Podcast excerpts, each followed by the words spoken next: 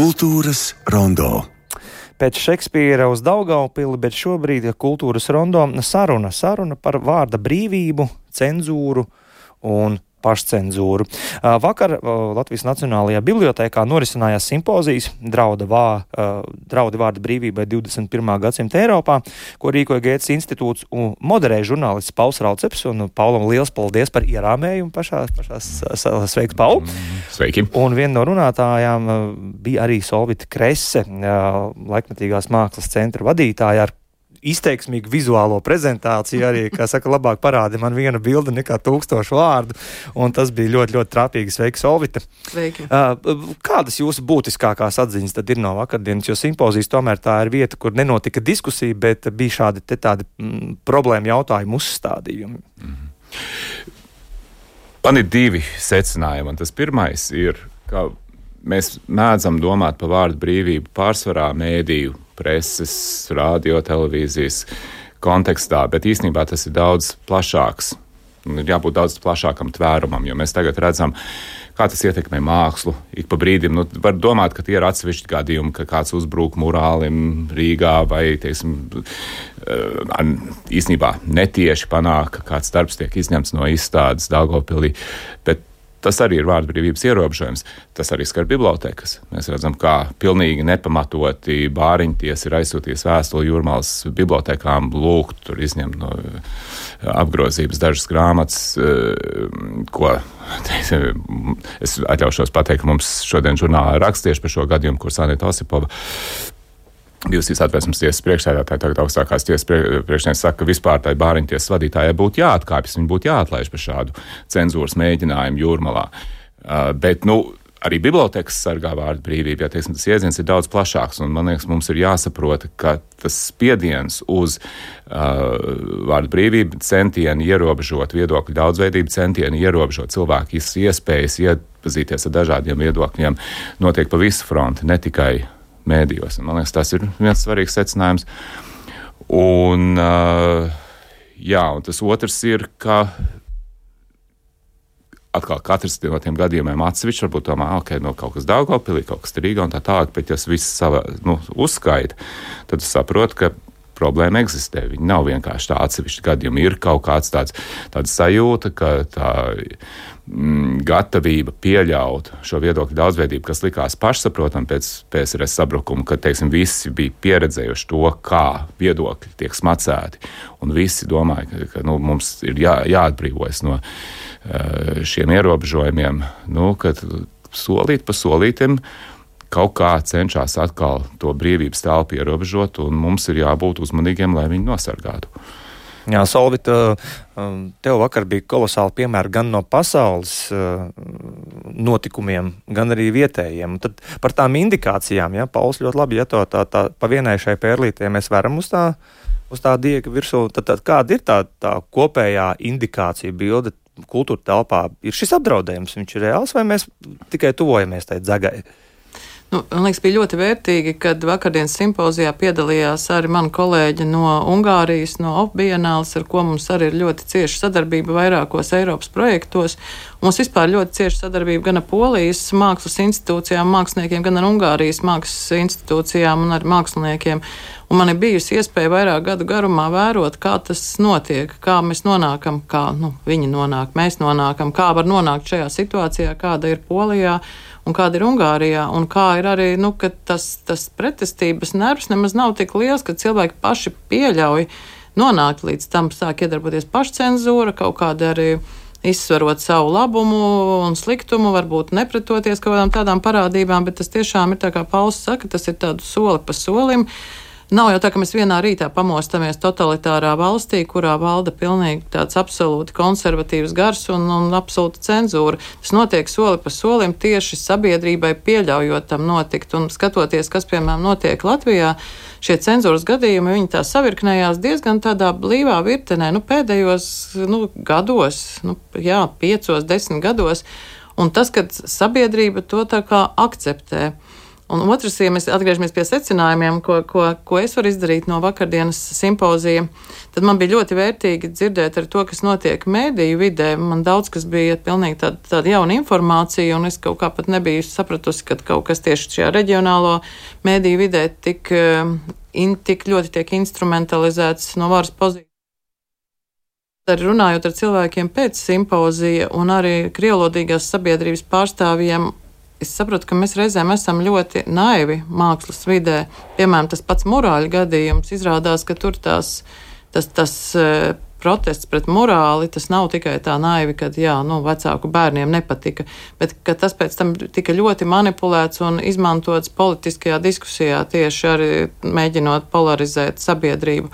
Un ka varbūt ka mēs tajā mākslas vidē mēs neesam varbūt tik pieredzējuši pamanīt visādas tādas to, to lielo šaha galdu, jo mums tomēr ir citi uzdevumi un citi mērķi. Un ka mēs pat varbūt citreiz nenojaušam, kā arī tā mākslas darbība vai kā tas viss tiek instrumentalizēts, manipulēts un caur šo cenzūru, kur mums liekas, jā, nabaga bērnu vecāki ar viņiem netika nokomunicēts pietiekami par šo morāli. Jā, tā varbūt ir komunikācijas vaina, bet izrādās, ka tur vēl ir daudz slāņi aizmugurē, un tad ir vispār beigās izrādās, kas tad vispār ir sācis šo kampaņu, ka varbūt tie nemaz nav bērnu vecāki. Tad tāds jautājums par to, vai mēs šādu notikumu rezultātā tomēr spējam mācīties un savā ziņā sagramot aizvien sarežģītākas un kompleksākas problēmas. Ja? Un pēdējais bibliotēka gadījums, nu, viņš jau joprojām ir karsts kartupelis. Bet ko tas mums māca? Jo uh, Solvit, tu saki, ka sabiedrība ir tad, kā pieņemoša, akceptējoša, amorfa. Tā, tā, tā, tā, tā viegli viļņojās. Ja? Bet vai tomēr šos gadījumus sasumējot kopā, mēs neesam kaut kādā mērā izauguši līdz šai diskusijai salīdzinoši?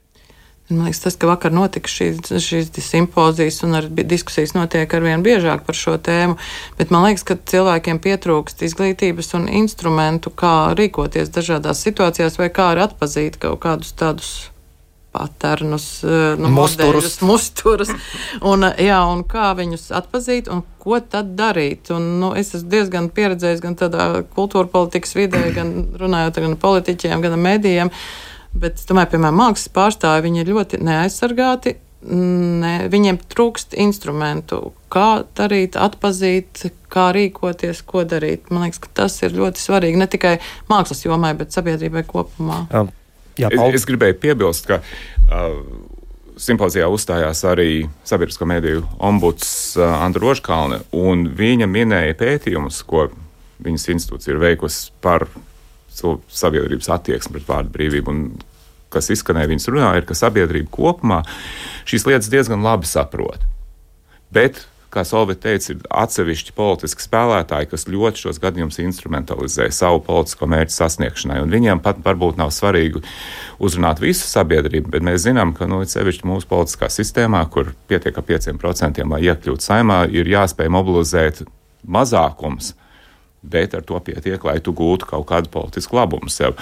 Un līdz ar to teiksim, tie uzbrukumi eh, bieži vien nepamatot, bieži vien uzpūsti, tiek izmantot tieši šo politisko mērķu vārdā.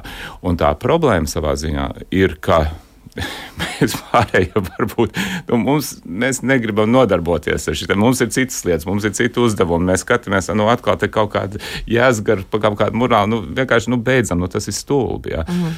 Un sabiedrība kopumā varbūt arī lielā mērā. Nu, tas varbūt viņas tik ļoti nesargā. Nu, es domāju, ka cilvēki kopumā ir saprotoši, bet nav uh, cilvēki, kas būtu tikpat uh, motivēti iestāties tieši par to vārdu brīvības aspektu, jo visi, kas to pieņem, domā, ka tas ir tā kā pašsaprotam, un tev varbūt nav tik ļoti jācīnās par to. Un tāpēc man liekas, arī tieši svarīgi bija šī saruna, jo tas liek saprast, ka tiešām mums, arī ka, kam šīs vērtības ir svarīgas, ir jāmobilizējas, jo citādi tiem nu, es teiktu, tam klusējošam vairākumam, kuram šīs vērtības ir būtiskas, viņi neredz savus pārstāvjus varbūt arī sabiedriskajā telpā.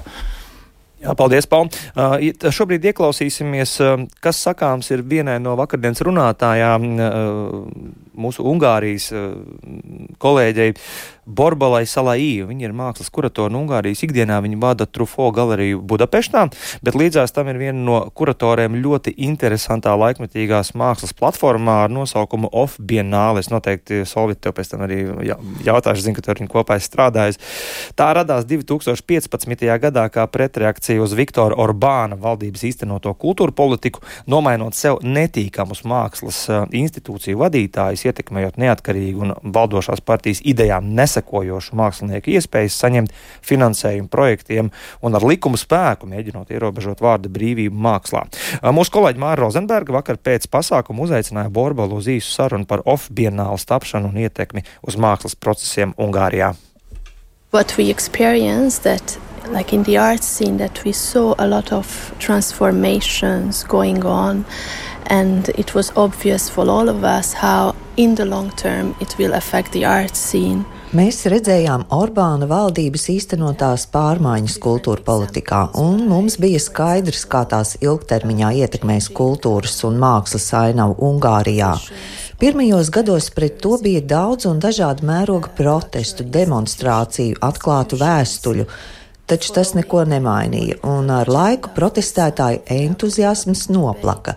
Cilvēkiem vairs nebija spēka un ticības, ka izdosies panākt pārmaiņas.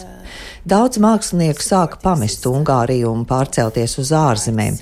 Tas bija iemesls, kāpēc radās off-bienāle, lai pierādītu sev un citiem, ka var darīt labas lietas mākslā arī bez valsts atbalsta arī apstākļos, kad lēmumi kultūra politikā tiek pieņemti bez nozares profesionāļu ziņas un diskusijām sabiedrībā. Off bienāli radās arī kā nozares atbilde uz valdības pēkšņo lēmumu 2015. gadā rīkot valsts atbalstītu Budapeštas bienāli, par ko mākslinieku kopiena vispār nebija informēta. Mēs visi par to uzzinājām no publiskā paziņojuma, un nevienam nebija skaidrs, ne kā to organizēs, nekas tajā vispār piedalīsies. Tika piešķirta liela nauda, bet nebija profesionāļi, kas to īstenotu. Beigās šī Budapestas bienāle tā arī nenotika. Toties radās mūsu off-bienāle, kurai nebija naudas, bet bija spēcīga profesionāļu kopiena, sakari vietējā un starptautiskajā mākslinieku kopienā. Tā ir absolūta kopienas iniciatīva, ko cilvēki veido par brīvu, veltot tam laiku pēc darba. Kind of because... Uh, Bet kaut kāds finansējums jums tomēr ir vajadzīgs. Kā jūs to nodrošināt? Yeah, so that, uh... Jau no pirmsākumiem bija skaidrs, ka izvairīsimies no valsts un pašvaldību finansējuma un kultūras infrastruktūras.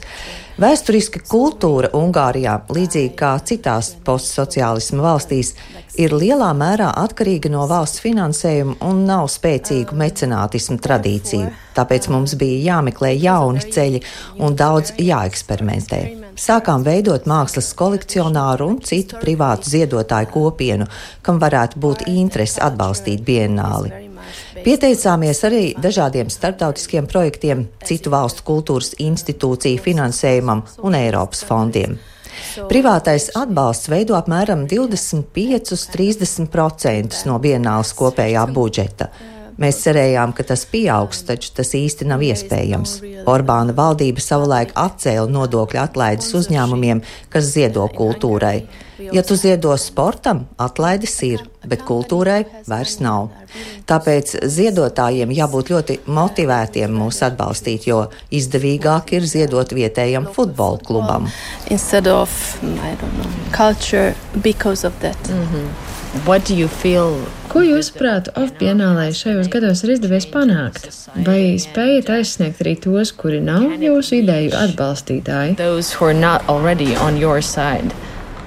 This is my personal opinion on this, and um, Šis ir mans personīgais viedoklis, bet, manuprāt, mūsu galvenais mērķis ir palīdzēt vietējiem māksliniekiem. Protams, strādājot laikmetīgās mākslas jomā, svarīgi ir arī uzrunāt plašāku sabiedrību, bet Ungārijā tas pašlaik ir visai grūti, jo mēdīja par laikmetīgo mākslu nerunā. Off-bienāles programmas gan apmeklē diezgan daudz cilvēku, tomēr mūsu galvenais mērķis ir nevis sasniegt pēc iespējas vairāk apmeklētāju, bet gan uzturēt rosīgu, interesantu un starptautisku mākslas ainavu un dot iespēju Ungāru māksliniekiem radīt jaunus darbus, kas pašreizējā kultūras finansēšanas kārtībā Ungārijā kļūst arvien grūtāk. Mēs arī dodam vairāk iespēju māksliniekiem izstādīt savus darbus starptautiskos formātos, piemēram, prestižajā laikmetīgās mākslas izstādē Dokumenta Vācijā. Mēs palīdzam māksliniekiem veidot jaunus kontaktus starptautiskā mērogā. Bet es gribu uzsvērt, ka neesam vienīgie. Jā, Off Biennāle ir ļoti redzama neatkarīgā platforma, bet mazākā mērogā Budapestas un Ungārijas mākslas ainavā notiek vēl daudz labu lietu, kas nav atkarīgas no valdības īstenotās politikas. On a bigger scale, that's the reason why of Biennale. What is your answer when you're being asked It kā pašsaprotami, bet tomēr, ko jūs kā kuratori sakāt, kad jāskaidro, kāpēc vārda brīvība mākslā ir svarīga? Freedom of expression in the field of arts. Well, in a way, your question is like asking what's the sake of art. Lielā mērā tas ir jautājums par to, kāda vispār ir mākslas jēga un nozīme sabiedrībā. Kāda ir dzējas, filozofijas, mākslas darba jēga šādos grūtos laikos, kuros mēs pašlaik dzīvojam? Tas dod cerību, jo ļauj iztēloties citas pasaules, citus scenārijus, citu lietu kārtību. Ja to ierobežo, atņemot māksliniekiem izteiksmes brīvību, tu atņem cilvēkiem iespēju brīvi iztēloties un būtībā centies viņiem pateikt, kā jādomā. Vienai no bienālēm mēs devām nosaukumu Ielpo. Māksla var būt svaiga gaisa malks, sasmakušā vidē, kur viss šķiet pakļauts kādām politiskām interesēm. Bet es gribu uzsvērt, ka Ungārijas gadījumā mēs nerunājam par tiešu un atklātu cenzūru. Cilvēki vienkārši zina, kā strādā sistēma un pielāgojas tai. Mēs to varam saukt par pašcensūru. Ja tu piesakies valsts finansējumam, tad zini, kādas nodevas būs jāmaksā. Mēs kā off-bienāle mēģinām parādīt, ka var arī citādāk. Bet es nesaku, ka tas ir viegli, jo cilvēki to dara uz entuziasma pamata pēc sava darba laika, un es nezinu, cik tas ir ilgtspējīgi. Bet kamēr vien ir cilvēki, kas gatavi to darīt, mēs to turpināsim. Enthusiastic people, and there are still, yeah, we are doing it. Lūk, nu pat dzirdējām. Borbolu salai vakardienas simpozija vārda brīvība 21. gadsimta Eiropā, vai draudi pastā, un um, Solvita Krese ir ar mums joprojām šeit studijā. Solvita, tu Borbolu pazīsti, un um, ārpus uh, galerijām, ārpus platformām, ārpus bienālēm, saka, kā, kāda ir viņas realitāte uh, mūsdienās, kā cilvēkam, uh, saistībā ar to, ko viņi dara. Uh, Nu, realitāte ir tāda, ka eh, nu, jā, jābrīno tas, ko viņi dara, jo visa bienāla viņi strādā uz tādas brīvprātības pamata, jo viņi nevar saņemt nekādu finansējumu no valsts, jo viņi ir nostājušies valsts vadošo ideoloģiju kritizējošā pozīcijā. Un viņi to dara visi brīvprātīgi. Borbēl strādā divos darbos, lai uzturētu, nu, netik, nu jā, lai piedalītos eh, ģimenes uzturēšanā. Un viņa gan vada gan trafo galeriju, gan arī strādā vienā citā mākslas institūcijā. Un viņa saka, ka tā situācija, nu, ka viņa īsti neredz, neredz risinājumu, un ka daudzi viņas kolēģi, kas ir bijuši gan vadošos amatos mākslas institūcijās, tad ir mākslinieki pamet valsti, un viņi arī, piemēram, tagad sūta savu um, bērnu, kas sāk iet pirmajā klasē vācu skolā, lai viņš apgūtu valodu, un, ja tas tā turpināsies, lai viņi būtu gatavi arī emigrēt. Un tas ir redzams arī nu, gan Polijā, gan Ungārijā, kur mākslas institūcijas ar ļoti tādu senu vēsturi un ļoti labu reputāciju un tiešām tādi trekni punkti mākslas pasaules kartē vienkārši pazūd no šīs kartes, jo institūcija direktori tiek atlaisti, tiek ielikti tādi ideoloģiskie ielikteņi, kuri vienkārši nu, nespēja jau piedāvāt to kvalitāti un vienkārši tas tā kā Polija un Ungārija kļūst par tādu tūkstnesi laikmatīgās mākslas kartē arvien vairāk, jo cilvēki vienkārši brauc prom. Jā, Paul. Nu, jācer, ka Polijā varbūt tagad kaut kas mainīsies pēc, Nu, pēc vēlēšanām. Tā ir liela cerība. Lai gan, protams, tur arī būs grūti, jo jaunā nu, līdz šim opozīcija tagad vairākums Seimā saka, ka viņi grib atjaunot tiesiskumu. Un, nu, protams, tie cilvēki, kas ir iecelti, viņi tur ir uz līguma pamata un tā tālāk. Tā ka nemaz tik viegli mm. tas nenāksies. Bet, bet nu, tomēr tas uh, polijas vēlēšana rezultāts ir ļoti cerīgs, ņemot vērā, ka cik uh, ļoti. Uh, tā saucamās partijas likums un taisnīgums vadošās aprindas centās visu šo vidi, gan mēdīgu vidi, gan mākslas vidi, gan vispārējo tur pakļaut savai kontrolē. Viena no atziņām, kas arī man, es, es tiesa gan atzīšos, es biju tikai uz pirmo daļu vakar simpozijā, bet arī ar to bija gana, lai uh, nu, izzīmētos divi lieli jēdzieni - cenzūra un pašcenzūra. Un man tāds, tāds tāda sajūta, ka par pašcensūru mēs runājam, runājam kā par daudz bīstamāku parādību nekā par pašu cenzūru. Ja, ja, tad jautājums ir, kas ir bīstamāk, cenzūra vai pašcensūra, vai viena izriet no otras? Nu, es teiktu, ka mūsdienu apstākļos tāda klasiska cenzūra diez vai pat ir iespējama. Nu, Polijā un Ungārijā jau arī tādas nav. Nav tā, ka ir jāizsūta, nu, es nezinu, kā Ungārijā savulaik sauca glābļietu, ja teiksim, kas bija tas Ungāru nosaukums, bet nav jāatsūta viss atrādīt un tā tālāk. Bet vienkārši pirmkārt, sabiedriskie mēdīji tiek pilnīgi pakļauti valdības kontrolē, otrkārt, bagāti valdības draugi uzpērk visus pārējos mēdīs lielāko daļu pēc uh, starptautiskās žurnālistikas organizācijas uh, reportieri bez robežām aprēķina šobrīd 80%, 80% no visiem mēdījiem Ungārijā ir nonākuši valdošās partijas Fides tiešā vai netiešā kontrolē. Un tad žurnālisti ir, nu, ja viņi grib strādāt savā profesijā, tad viņiem ir jāizvēlas. Vai nu viņi nu, tā paši sapratīs, no kuras puses vējš pūš un attiecīgi strādās, vai arī nu, viņiem ir jācenšas nu, kaut kā neatkarīgi iztikt, bet nu, tas ir grūti, jo valdība, protams, ne tikai to neatbalsta, bet arī mēģina visādā veidā kavēt.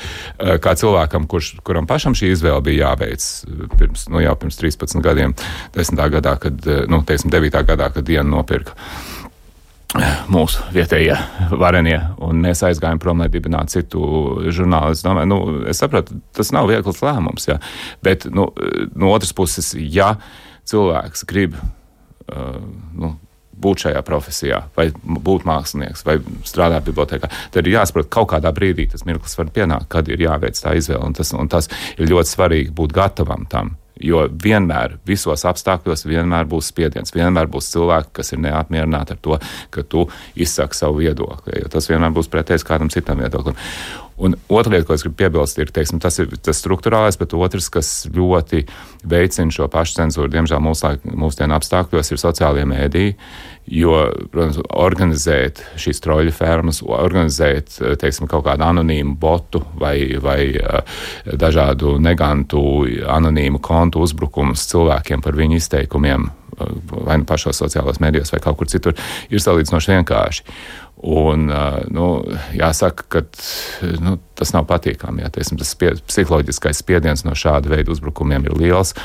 Un, nu, te es arī domāju, ka uh, Anna Roškāns pieminēja, ka, teiksim, ka žurnālistiem pašiem būtu jāizrāda lielāka solidaritāte vienam pret otru šajā Jā, nu es redzu, ka tās arī. Uh, nav saraujamas šīs te uh, vides, ne, mākslas un žurnālistikas uh, vide, vārda brīvības, cenzūras un pašcenzūras pinumā nav atdalāmas, bet Solvit, varbūt tu vari nu, tā kā, nu, sniegt tādu mm, ieskatu, kāda ir realitāte Latvijas laikmatīgo mākslinieku vidū - pašcensūras, cenzūras, mhm. bailes, mm, drosme.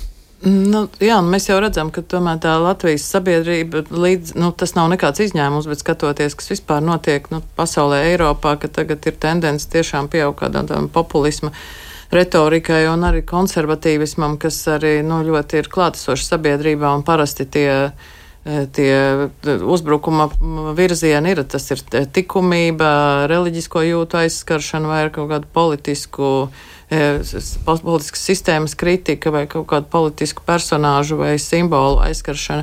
Un es domāju, ka mākslinieki ļoti bieži pārdomā piecreiz pirms viņi kaut ko dara vai spēr kāju tādā kritikas teritorijā.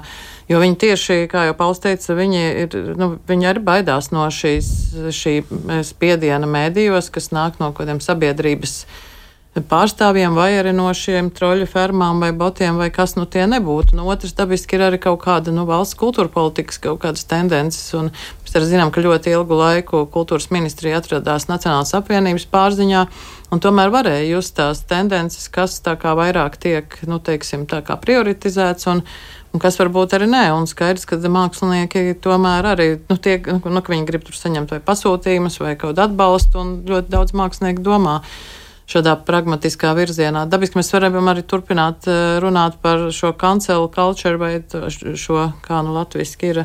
Jā, izslēgšana, izslēgšanas kultūras kultūra. klātbūtne, kas atkal ir pilnīgi cita tēma, bet nu, mm. nu, tas ir arī kā, kā šī izslēgšanas kultūras pirmsākuma meklējuma tiešām šajā uh, Eh, kreisam, kre, kreiso, pār, kreisās ideoloģijas pārstāvju pozīcijā, kas tiešām rūpējās par, marginālo, par šo marginālo grupu diskriminēšanu, gan rases, etniskā, seksuālā vai politiskā diskursā, bet kā tagad šo visu Ehm, kultūru apēda arī šī labajā ideoloģija. Pilnīgi tu nevari pat vairs izsakot, kurā brīdī kas kur ir iefiltrējies. Skaidrību, vērību un drosmi vēlot. Jā, es teikšu paldies. Šo šobrīd paldies par ieskatu vakardien noritējušajā simpozijā. Tātad par vārdu brīvības draudiem 21. gadsimta Eiropā Kā redzam, tāda ir. Saku paldies žurnālistam Paulam Raucepam un paldies. laikmetīgās mākslas centra vadītājai Sovitē Kresei. Drosmes jums novēlu. arī turpmāk. Paldies. Uh, un šobrīd uh, no jums atvadoties, saku paldies arī kultūras rondo komandai, producentei Santē Laugai, uh, mūzikas redaktoram Ansim Pavasarim un skaņu režisorim Valdim Raitumam un Katrīnai Brambergai, bet es pats tālāk skrienu uz uh, buktēt bikses, jo šo, šodien Tātad Edvards Smilģa dzimšanas diena un spēlmaņu nakts, par kuru rīt runāsim kultūras rondo vairāk. Uz redzēšanos!